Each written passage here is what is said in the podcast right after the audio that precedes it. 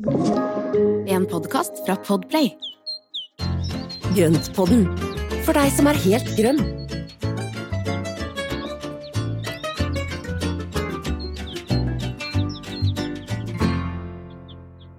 Hallo og velkommen til enda en episode av Grøntpodden med meg, Marianne, og med han derre Espen som Ja.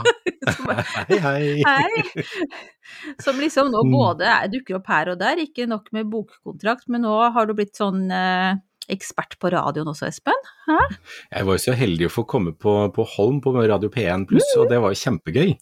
Og også så hyggelig da, gitt. Ja. Å få lov å komme og snakke om litt frø og frøsåing der, det var ja, veldig, veldig gøy. Det var veldig fint. Det var veldig heldig. Ja, men ja, du er jo flink òg, da. I tilfelle noen lurte på det, liksom. Nei, men altså, det var jo så hyggelig å høre på. eh, og hun eh, programlederen hørtes jo liksom som Hun var liksom, genuint engasjert. Det er jo litt gøy. Ja, ja, veldig interessert og, og kjempehyggelig, så det, var, det ble en fin greie. Mm, Mm. veldig morsomt. Men du, vi skal jo faktisk fortsette både med forrige Altså temamessig fortsette med forrige ukes eh, tema, og Ja. også det dere snakket om på Holm. Så ja, vi skal snakke om frø, vi, i dag også. Frø. Ja, men det er jo frø som står i fokus nå, og det er jo liksom ikke noe grunn til å slutte med det riktig enda, for det er jo så mye gøy. Ja. Og forrige gang så snakket vi jo om veldig fokusert på dette med hva som skal eh, frøsås nå i begynnelsen av året, og som, altså planter som trenger lang tid på å vokse og gro, og stauder og sånn som trenger og litt eh, stratifisering og sånn.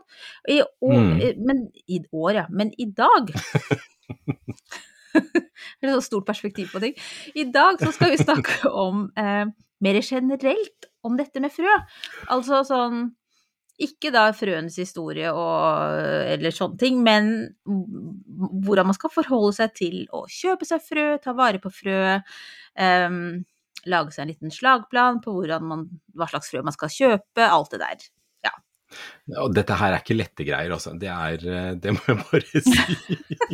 Det er altså så fort å gå seg vill i frøbutikkene på nett og eh, bare shoppe løs. Altså Bare nå når vi begynte å, å diskutere litt før, eh, før vi begynte å spille inn her, hvor allerede da så var jo du inne på å kjøpe flere nye sorter som du ikke hadde planlagt. Ikke i det hele tatt, for jeg, altså utgangspunktet mitt, og det har jo vi to snakket litt om på forhånd, er jo det at jeg syns jo at jeg på en måte er litt sånn gjerrig på å kjøpe inn frø i forhold til veldig mange andre. Jeg ser jo på Instagram nå hvordan folk drar fram de fantastiske frøboksene sine og har katalogisert dem, og det er liksom rad på rad, og jeg har én kurv som er, den er sånn 15 ganger 30 eller noe sånt.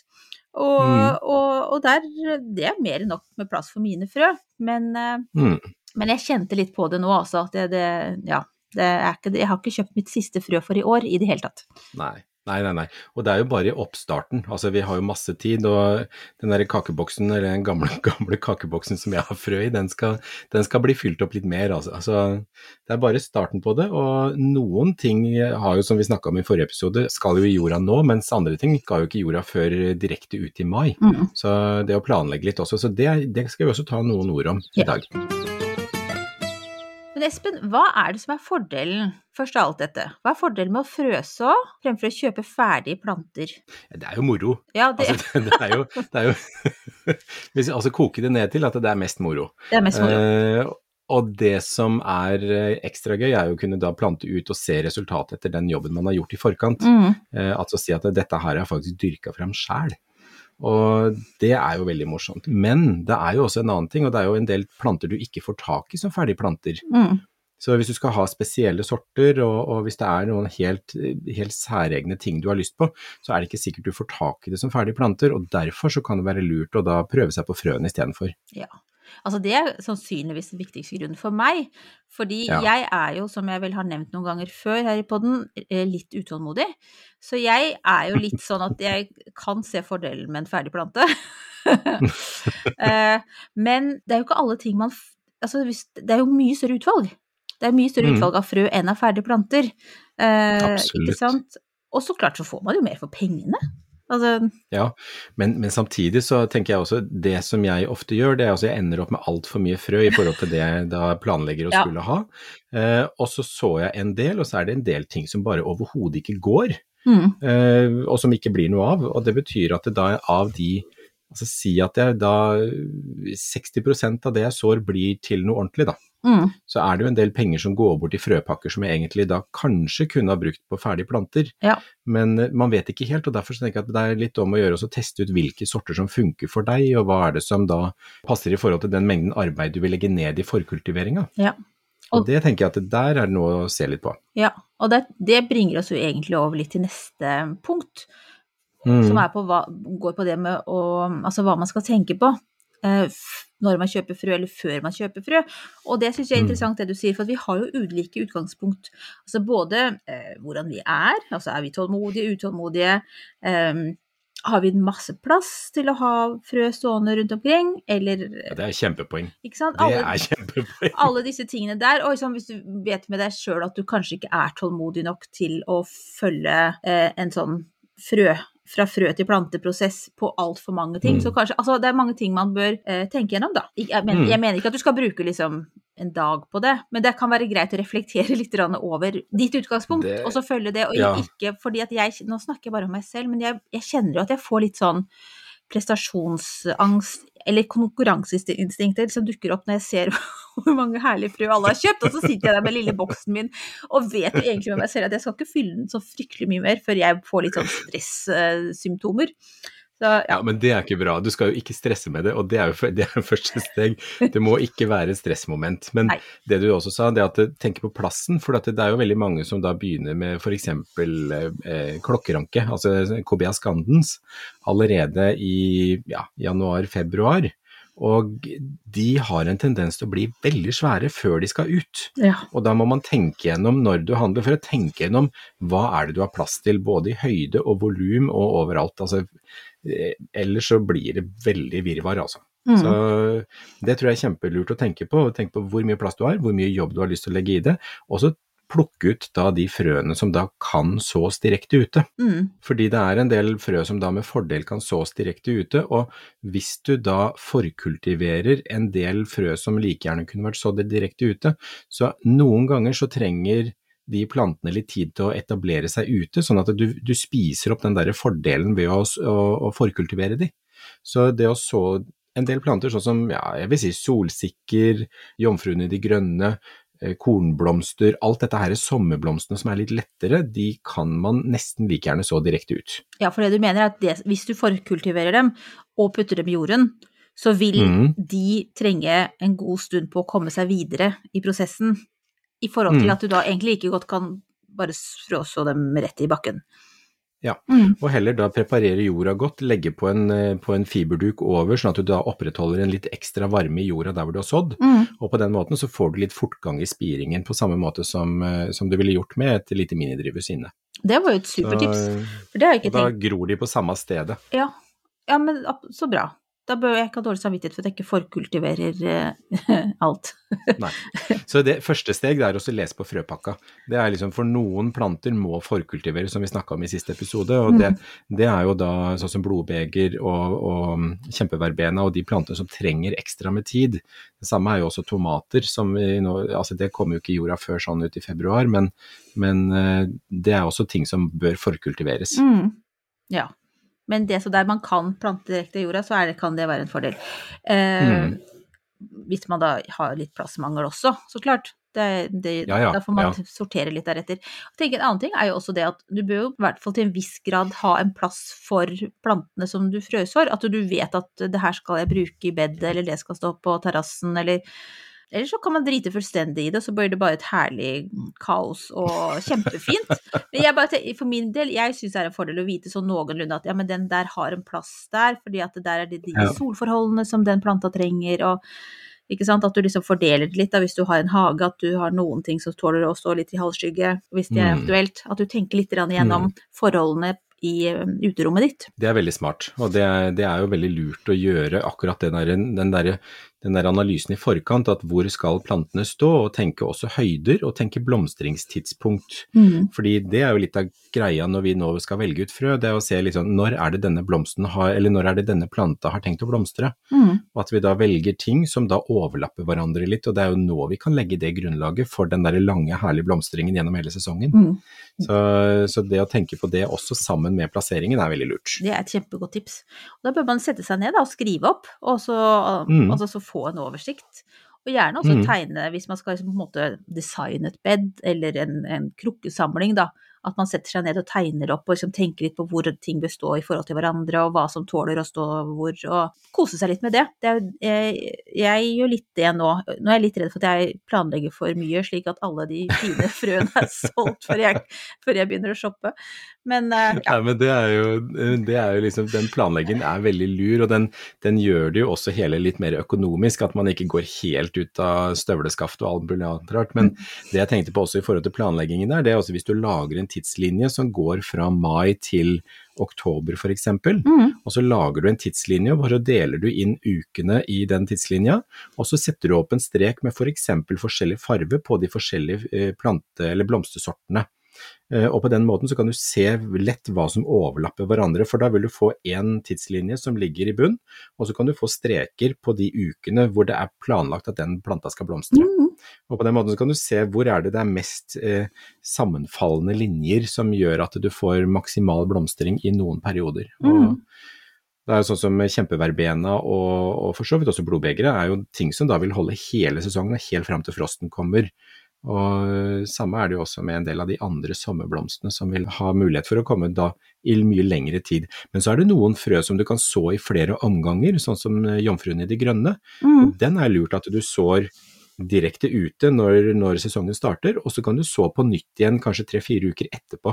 Ja. Og på den måten så vil du ha nye planter som kommer opp og overlapper de første, når de er ferdig med blomstringa. Og da er det jo lurt å f.eks. ha en liten sånn påminnelse i kalenderen på mobilen eller noe sånt, så at du ikke glemmer det. Mm, ja, absolutt. Mhm. Nå har vi snakka mye om, om blomsterfrø, men så klart det her gjelder jo også grønnsaker. Altså det, Ja, ja. salater eksempel bør jo sås flere ganger gjennom sesongen, og ja, det Ja, ikke sant. Og det er jo noe med det å fornye plantene, sånn at de da gir enda bedre avling. Og, og, og samme agurk. Altså har du agurk i drivhuset, så kan det jo være lurt også å så det i to omganger, sånn at du har én plante som starter opp, og så kan du da overlappe. fordi at i hvert fall sånn erfaringsmessig så er de ganske slitne når vi kommer sånn ut i juli, de plantene mine i hvert fall. Da har de liksom lessa fra seg en del agurker, og så er det greit å sette inn noe nytt sånn kanskje ut i juni som da vil overta, og så kan man klippe bort det gamle. mm, God idé.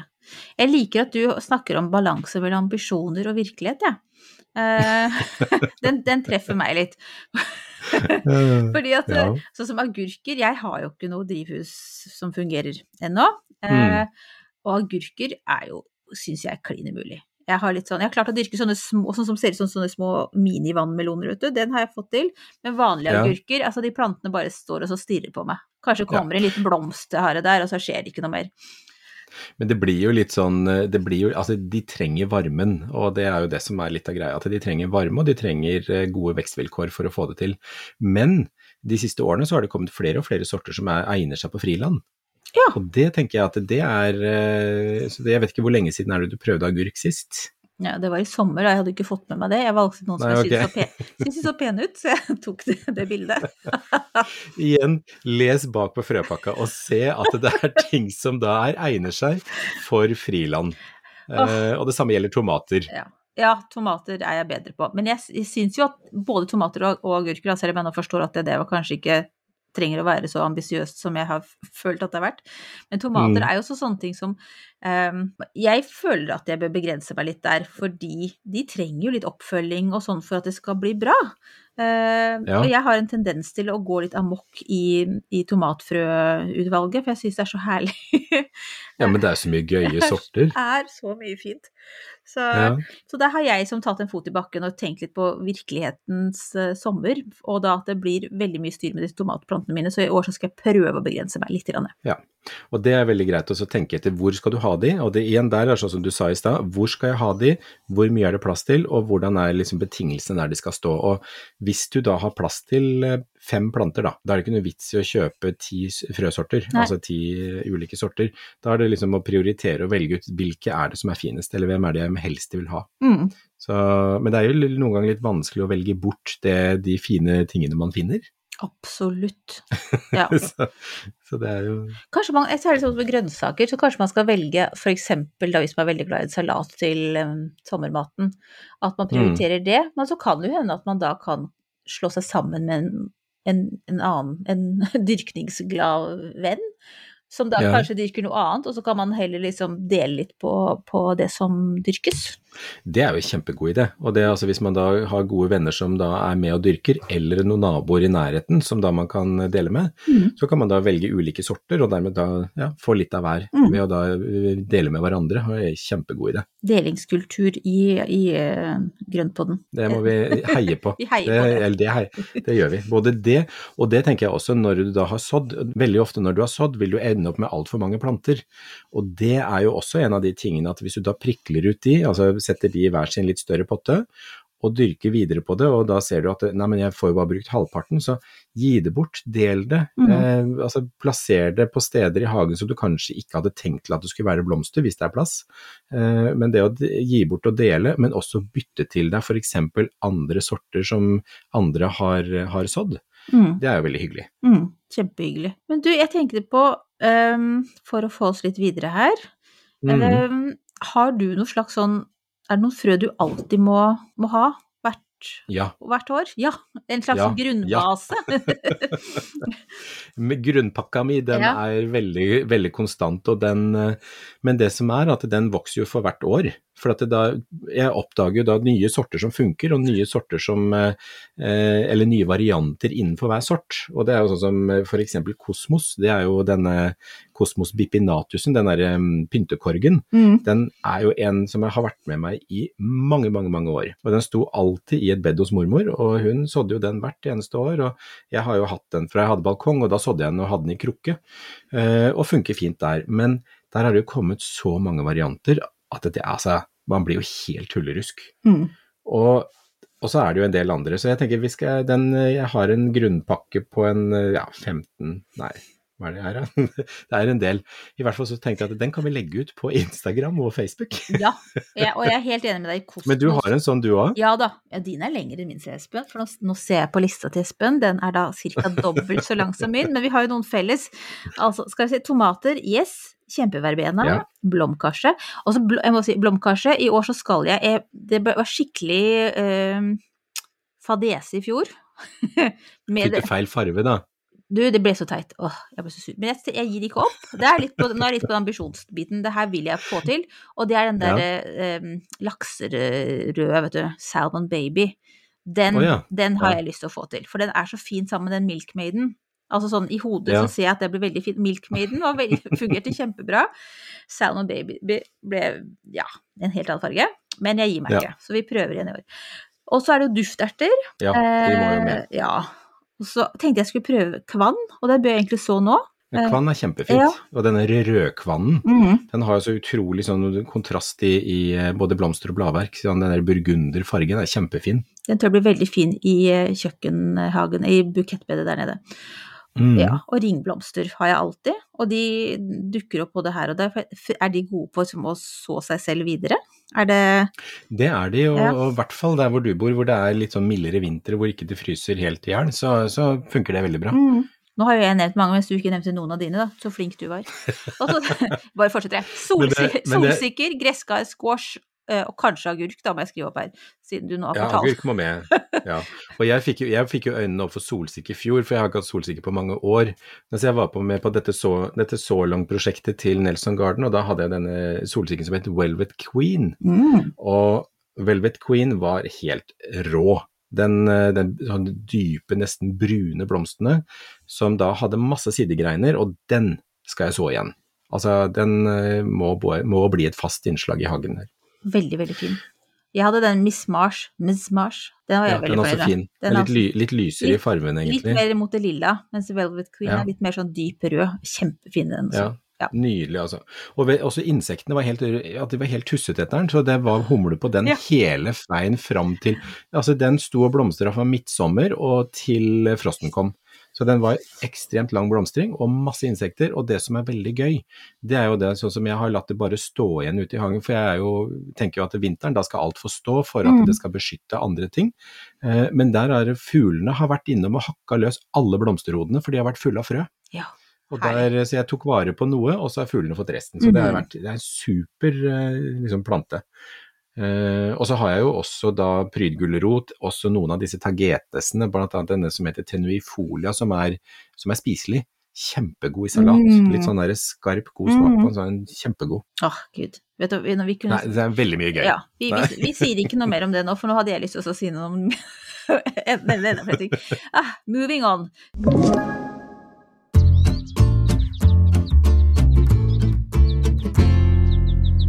Hvordan ville du organisert frøene? Altså, jeg har latt meg imponere over eh, flere på Instagram som har vist fram de helt trolig nydelige treboksene. En husker jeg ikke hvem det var, men det var en som til og med hadde laget sin egen eh, boks i, av noe i sånn reclaimed wood, altså noe gjenbruk av noe tre. Så, Ja, men folk er så flinke. ja, helt så, det var altså, det er helt, veldig inspirerende. jeg får prestasjonsangst. Ja, jeg gjør det også. Jeg blir sånn delvis inspirert, og delvis uh, tenker jeg herregud, Marianne, hva er det du holder på med? Men i hvert fall.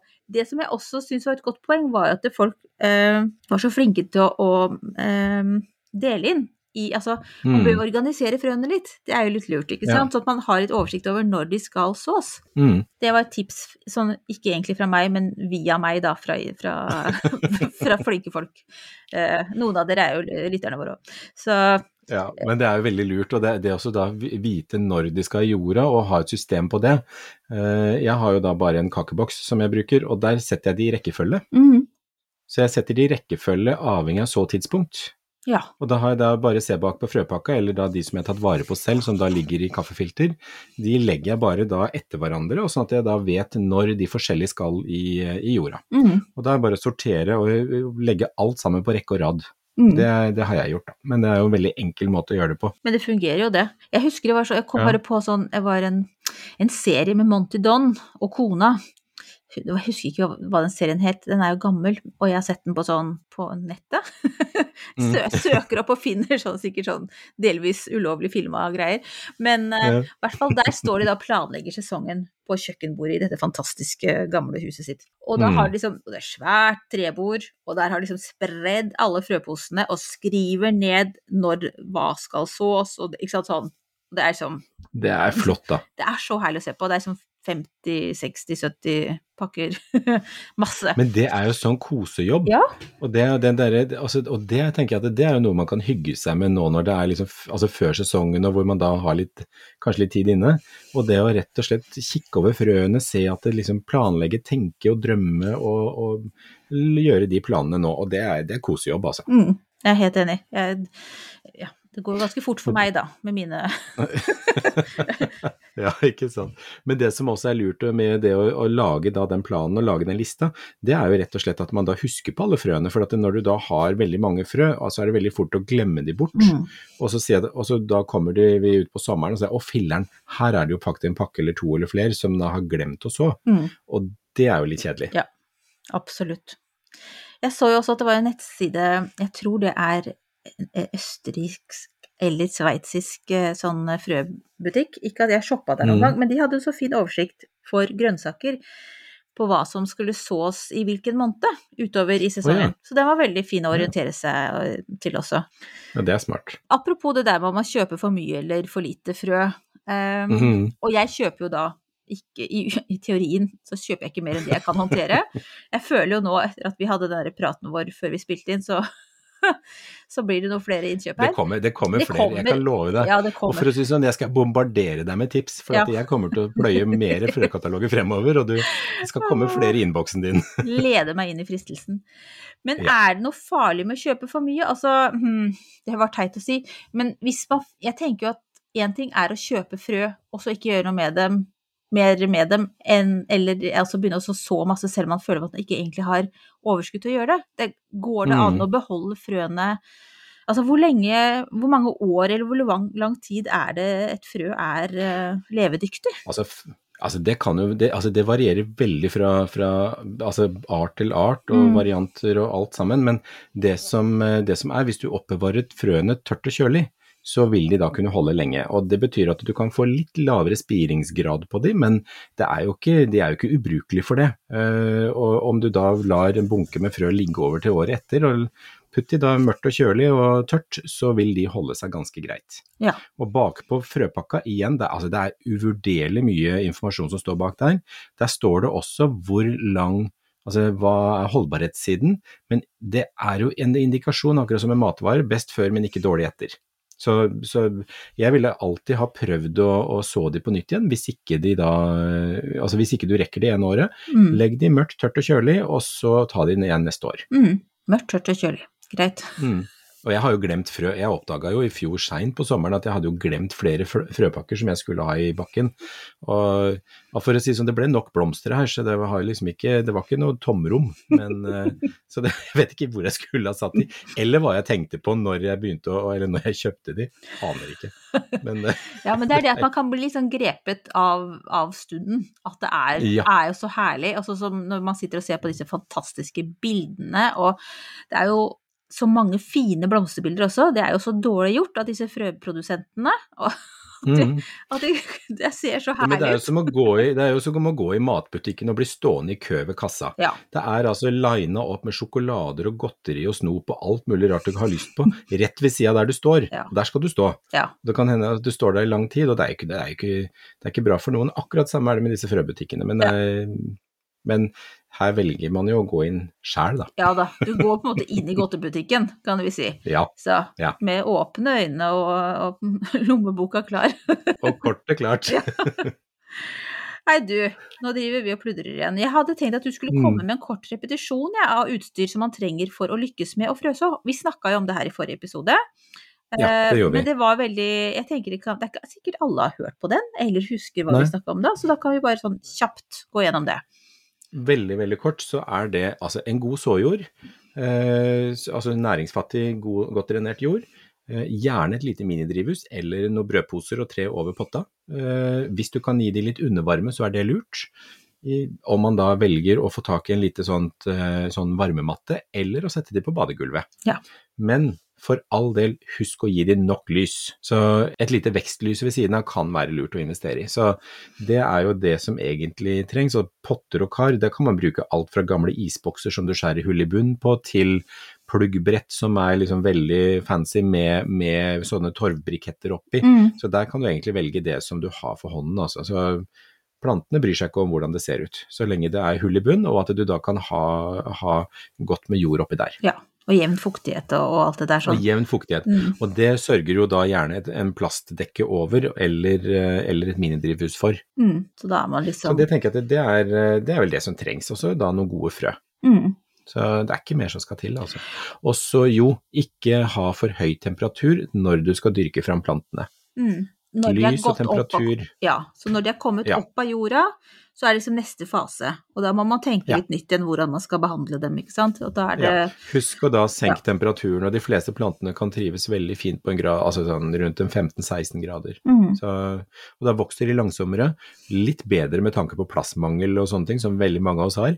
Eh, men da vil de bli også mer tette og kompakte enn de er med f.eks. en høyere temperatur. Ja, og da tåler de livet, overgangen ut til utelivet og livet ute bedre enn hvis de står der Mye bedre. lange og slanke og litt slengete. Det Det er som mitt motto for 2022, det.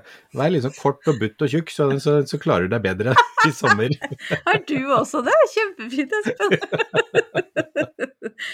Men du, jeg tenkte på det du sa med gode frø, og et poeng der Ja. er jo at det er jo massevis av utsalgssteder. Det er jo Ja. så mye å la seg friste av. Men det kan være lurt Ja. å tenke litt på for det første at det er et um, Altså gjerne en, en salgskanal som du kjenner litt til, eller som er ordentlig, sånn så du vet at de tar frøa sine på Ja. alvor. Og også det at det kan være en fordel å kjøpe frø som er tilpassa norske forhold, eller nordiske forhold, da. Helt klart. Og det er eh, kjempeviktig. Jeg har, jo, jeg har, jo, latt meg lure inn på eBay noen ganger, som sikkert veldig veldig mange andre har gjort. Og det kommer jo opp bare ugress. Mm. Eh, stort sett så er det mye sånn Ja, det er ikke, det er ikke veldig ålreit det som kommer derfra. Nei. Så jeg vil også skrive under på den der, der. Og vi har jo også laget en veldig fin liste over noen av våre favorittsteder og, og steder vi kjenner til, mm. som vi også skal legge ut i sosiale mediekanalene våre. Det gjør vi. Det er, der er det der både er det jo... veletablerte, store eh, leverandører eller butikker, og så er det også litt mer sånn mm. Så det kan dere kose dere med, det skal vi legge ut, eh, ja, mm. I løpet av noen dagers tid. For å se når uh, sosiale medieransvarlig får uh, svingt seg rundt og gjort det.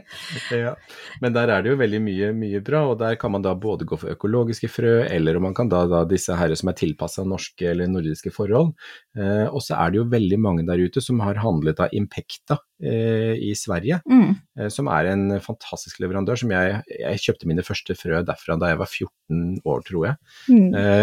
så det begynner å bli en del år siden. og mamma har faktisk en plante fra såing da jeg var 14 år gammel. Oi. Det er en sånn elefantfot som jeg sådde den gangen, og den står fortsatt hjemme hos eh, mamma og pappa. Fantastisk. Så ja. veldig, veldig gøy. Men det som, litt, det som, har vært litt nedtur der, at etter at Norge kom med disse tollreglene, det er noe å huske på med tanke på å bestille frø fra utlandet, så er det en regel på at det som da kommer til Norge, så er det toll fra første krone, etter hva jeg har funnet ut mm. uh, siden sist. Ja. Uh, og det er jo Da blir det fort veldig dyrt å kjøpe frø, for det er jo ofte gebyrer og sånne ting i tillegg.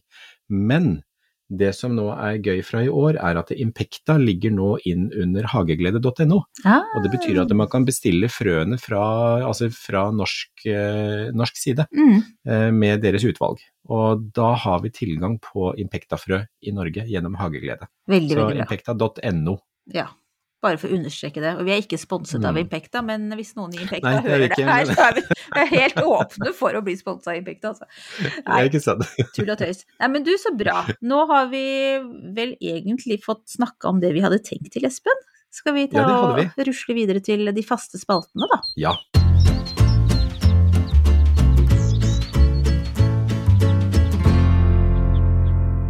Nå skal vi snakke om musa velutina. Ja! Herlig navn. Jeg må bare google. Skal vi se. Musa velutina. Gud, det er den, ja! Ja. ja.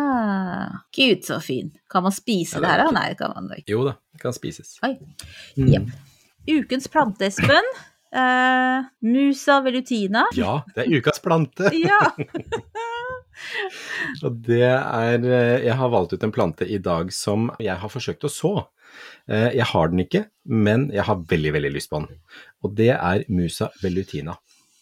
Og det, det, er jo da en bananpalme, eller bananplante, som kalles rosa banan, eller den hårete banan. Det er liksom sånn bananer er... i pysjamas-følelse. Nei, du husker ikke den. Barne-TV-en. Musa ved Eh, den ser jo helt ja. fantastisk ut. Kan man spise ja, den? Er fantastisk. Ja, den kan spises, og den kan dyrkes, og den tåler eh, en litt kjølig overvintring. Og eh, ikke frost, det gjør den ikke, men den kan da dyrkes ute på sommeren her i Norge. Og kan visstnok bli opp mot et par meter høy. Tidligere så har jeg hatt denne som heter abysinerbanan, og den ble jo enorm, men dessverre så mista jeg den i fjor, i fjor oh. vinter. Eh, ja. For da av et eller annet grunn så bare kollapsa han, og så råtna han. Eh, jeg vet ikke helt hvorfor.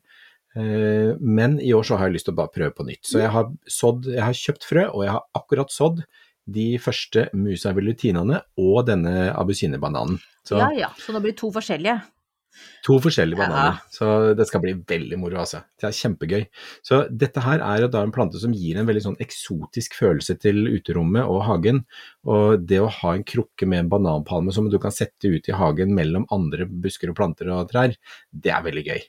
Så fantastisk rosa farge, da. Den er liksom ikke Ja, den er så fin. Det er ikke noe sjenert. Den er, den syns. Nei, og den er, noe helt, den er noe helt annet enn eh, alt mulig annet rart. Så frøene var knøttrende små, og de putta jeg i vann, eller helte over varmt vann, og lot de stå et par dager.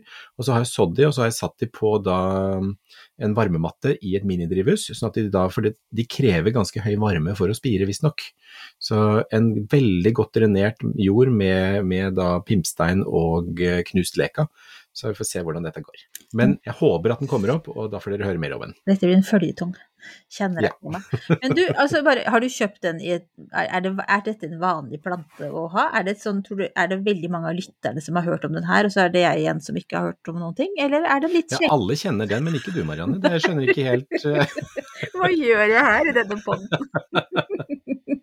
Nei, den, eh, jeg tror ikke det er så veldig mange som kjenner til den, men jeg fant den tilfeldigvis på Impekta, og tenkte at dette må jeg bare prøve. Så i da min ville ferd etter alle mulige andre planter, så endte jeg opp med den, pluss da noen frøpakker til. Så jeg driver samler og fyller boksen min, jeg da. Mm. Ja, det er bra det. Det er godt å gjøre det. Det er viktig å fylle boksen. Ukens spørsmål. Um, den var det Tyra som sendte oss, så vidt jeg husker, på, Mm. på Instagram-kontoen vår. Tips til stell av fiolinfiken. Um, som hun da akkurat har anskaffet, og vil gjerne liksom Mm. gjøre overgangen til nytt hjem bra, og liksom vise masse omsorg, og ikke, ikke ta knekken på den. Ja, og det er jo utrolig flotte planter, også denne som heter Ficus lyrata, og med store, flotte blader som ser ut som fiolin, og det er jo derfor den har navnet sitt også. Og det er jo i denne, altså denne ficusfamilien så er det jo da en del Eh, altså vanlig gummiplante, og så har du denne her, og så er det en del andre planter som er i samme familien. Og det kan jo bli ganske store busker og trær etter hvert. Eh, men jeg vil anbefale der å gi den så mye lys som overhodet mulig, og at det ikke lufta blir altfor tørr. Så det er lurt å dusje den og holde bladene rene, og, og ikke la den stå altfor nært varmekilder. Altså ikke over en varmeovn eller inntil en varmeovn. Bra. Så hvis det er mulig å gi den da tilleggslys, så er det å anbefale. Og eh, jeg har jo vært og sett noen fiolinfiken som jeg bare altså jeg ble helt satt ut av, og det er hjemme hos Arctic Gardener, som hadde da noen stående i en type vinterhage hvor det da er lys rundt fra alle kanter, Mm. som var bare helt enestående. Kjempefine. Mm. Så eh, Arctic Gardener hadde noen eh, helt rå noen. Og de kan da bli store, og de kan bli gamle. Er det da, skal man da vanne dem når skal de bli tørre mellom hver vanning? Lett tørk mellom Ja. Ja, ja, godt spørsmål. Det glemmer jeg å si, da. Det er lett tørk mellom hver vanning, eh, sånn som de fleste andre inneplantene. La de tørke opp litt før de får nytt vann, og så da bruk gjødsel ved, i vekstsesongen. Så nå på vinteren så behøver de ikke noe særlig gjødsel, men når vi nå kommer ut i slutten av februar, så vil jeg ha begynt å gjødsle igjen. Mm. Og da er det jo da bare følge anvisning på, på flaska. Ja. Og da ha gjødsel i hver vannings... eh, altså i Heller ha svak gjødsel i vanningsvannet på hver vanning, enn å ta sånne eh, skippertak. ja. Jevn vanning. For da får ja. sånn jevn, jevnt tilsig av gjødsel. Jevn gjødselvanning og tørke støv og dusje litt og ha det lyst Mm. og ikke for varmt. Greit. Ja. Supert. Hva gjør du nå, Espen? Kjøpe frø. Da er vi ferdig med deg. Veldig enkelt og greit. Nei, men det er frø. Det er, eh, det er frø, og jeg sår frø, og jeg har begynt å ta stiklinger og driver på og rote rundt på mitt lille laboratorium nede i, eh, i kjelleren, hvor jeg har da satt opp litt plantelys, og under der så driver jeg og dyrker og leker meg. Så, og når jeg da blir vintertrøtt av for mørkt vær ute, så står jeg under lyset der, og så står jeg der til jeg blir glad. Og det går fort. Det høres veldig fint ut. Ja, ikke sant. Hva, hva gjør du da, Marianne? Eh, jo, altså jeg har jo en sånn hagebok som jeg da ikke har oppdatert siden, var det, april 2021. Så den har jeg nå sittet og loggført diverse oversikt over hva som skjedde i fjor. Um, Ja, så bra. Veldig bra. Forstår også hvorfor jeg burde ha notert litt mer jevnlig underveis. Fordi at jeg har nå lagd en oversikt over bukettbedet. Og, for jeg planta jo en del stauder der etter hvert. Jeg kjøpte Ja. jo, og ble litt salg etter hvert, og så fant jeg at det kan være lurt å ha noen stauder i tillegg til alle disse ettårige. Og du Mm. vet, altså det er jo ikke alle jeg husker på. Så jeg er så spent på noen av de plantene som står i, i, i staudedelen der, sånn, på hva det var egentlig jeg planta. Så Ja, det skjønner jeg godt. Men da kan jeg anbefale deg én ting. Vær kjempeforsiktig til våren når du skal begynne å rufse og rense Mm. og fikse, fordi jeg har gjort den samme feilen og gått løs med hakke. Og hakka løs, og hakka opp stauder som jeg bare har tenkt at ei, dette her var Og det gjør vondt i hjertet, altså. ja, det Og da står de der med små spirer og tenker hm, dette her er noen røtter som jeg kanskje burde ha kjent igjen. Nei. Og så, ja. Å, Så Ja. vær veldig forsiktig når du skal gyve løs på det bedet til våren. Mm. Og hvis det ligger igjen litt blader, så prøv å se litt på bladene og i rosetter og sånne ting, og se om det ligger noe i midten av der hvor det er blader. Og Ja. er det liv der, så kan det være en staude. ja, ja, det er det. Jeg får bare luke med nennsom hånd. Ja, det må du Nei, så det er det jeg har gjort, da. Og så har jeg sortert de frøene jeg har. Og det er jo en del som jeg har tatt fra hagen, kom jeg fram til. Uh, og jeg fant også noen agapantusfrø. Uh, så da må jeg jo lese meg litt opp på hvordan det skal Det er jo tydeligvis et flerårig prosjekt, men jeg får jo bare begynne, Mm. da. Så Det er litt omfattende. Det er litt sånn som med så magnolia og en del andre sånne ting som er litt sånn Ja, det er en, eh, det er en lengre prosess. Så jeg kjenner litt på om jeg gidder eller ikke, da. Du vet. Altså, det her er, det her er liksom å strikke genser, og jeg er jo mye mer på å sy enn en skjorte, holdt jeg på å si. Så det jo, vil at det skal gå litt fortere. Så vi får se. Men jeg skal i hvert fall lese og se om det kan være noe for meg å ha et litt lengre Mm. prosjekt. Så Så gøy. ja, så gøy. Du, Espen, nå har jo vi faktisk klart å gjøre oss ferdig med frøepisoden frøepisode nummer to for i år. Eh, det kan komme komme Og flere. neste gang, og neste gang så Ja. skal vi faktisk snakke om frø.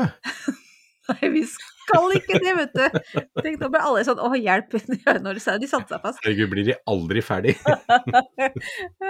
Nei da, men vi skal jo snakke om noe som er veldig viktig når man skal så, og, Mhm. og ha planter i det hele tatt, så klart. Jord, jordblandinger. Rett og slett om jord. Vi har jo hatt en episode før om jord, um, Mm. og noe kanskje blir en liten repetisjon av det, men vi skal også snakke litt mer om hvordan man selv kan blande jord, og også gå litt mer kanskje inn på uh, Jeg har veldig lyst på at vi skal snakke litt om hva, hvorfor det gjør en forskjell. Mm. Altså, ikke sant? Og sånn som når du var hos, Holm, så sa du det at du kan bruke pottejorda fra plantene i fjor, for den er så næringsfattig. Ikke sant? At Mm. noe med det at man må eh, arbeide med jorda, bevissthet rundt at at Ja. jord også må, må At ikke det er noe sånn varig, at de alltid er lik. Altså en næringsjord Nei, rik jord er ikke alltid næringsrik, eksempel. Men Nei, det her skal vi snakke mer om neste gang.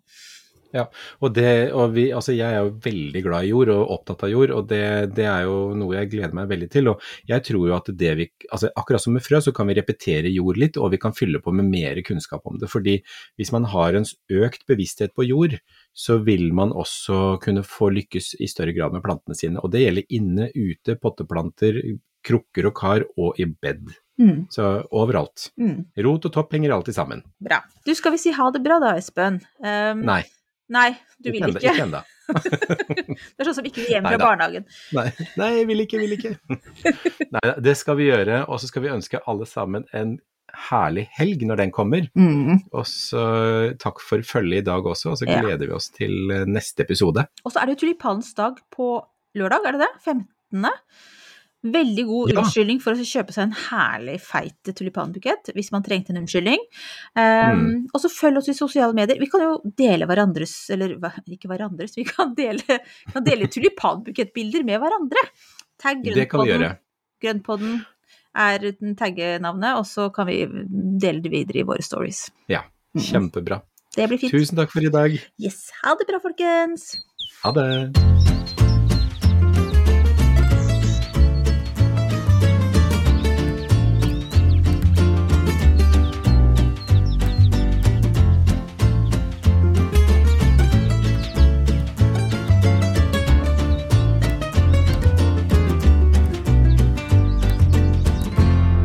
Du har hørt en podkast fra Podplay. En enklere måte å høre podkast på.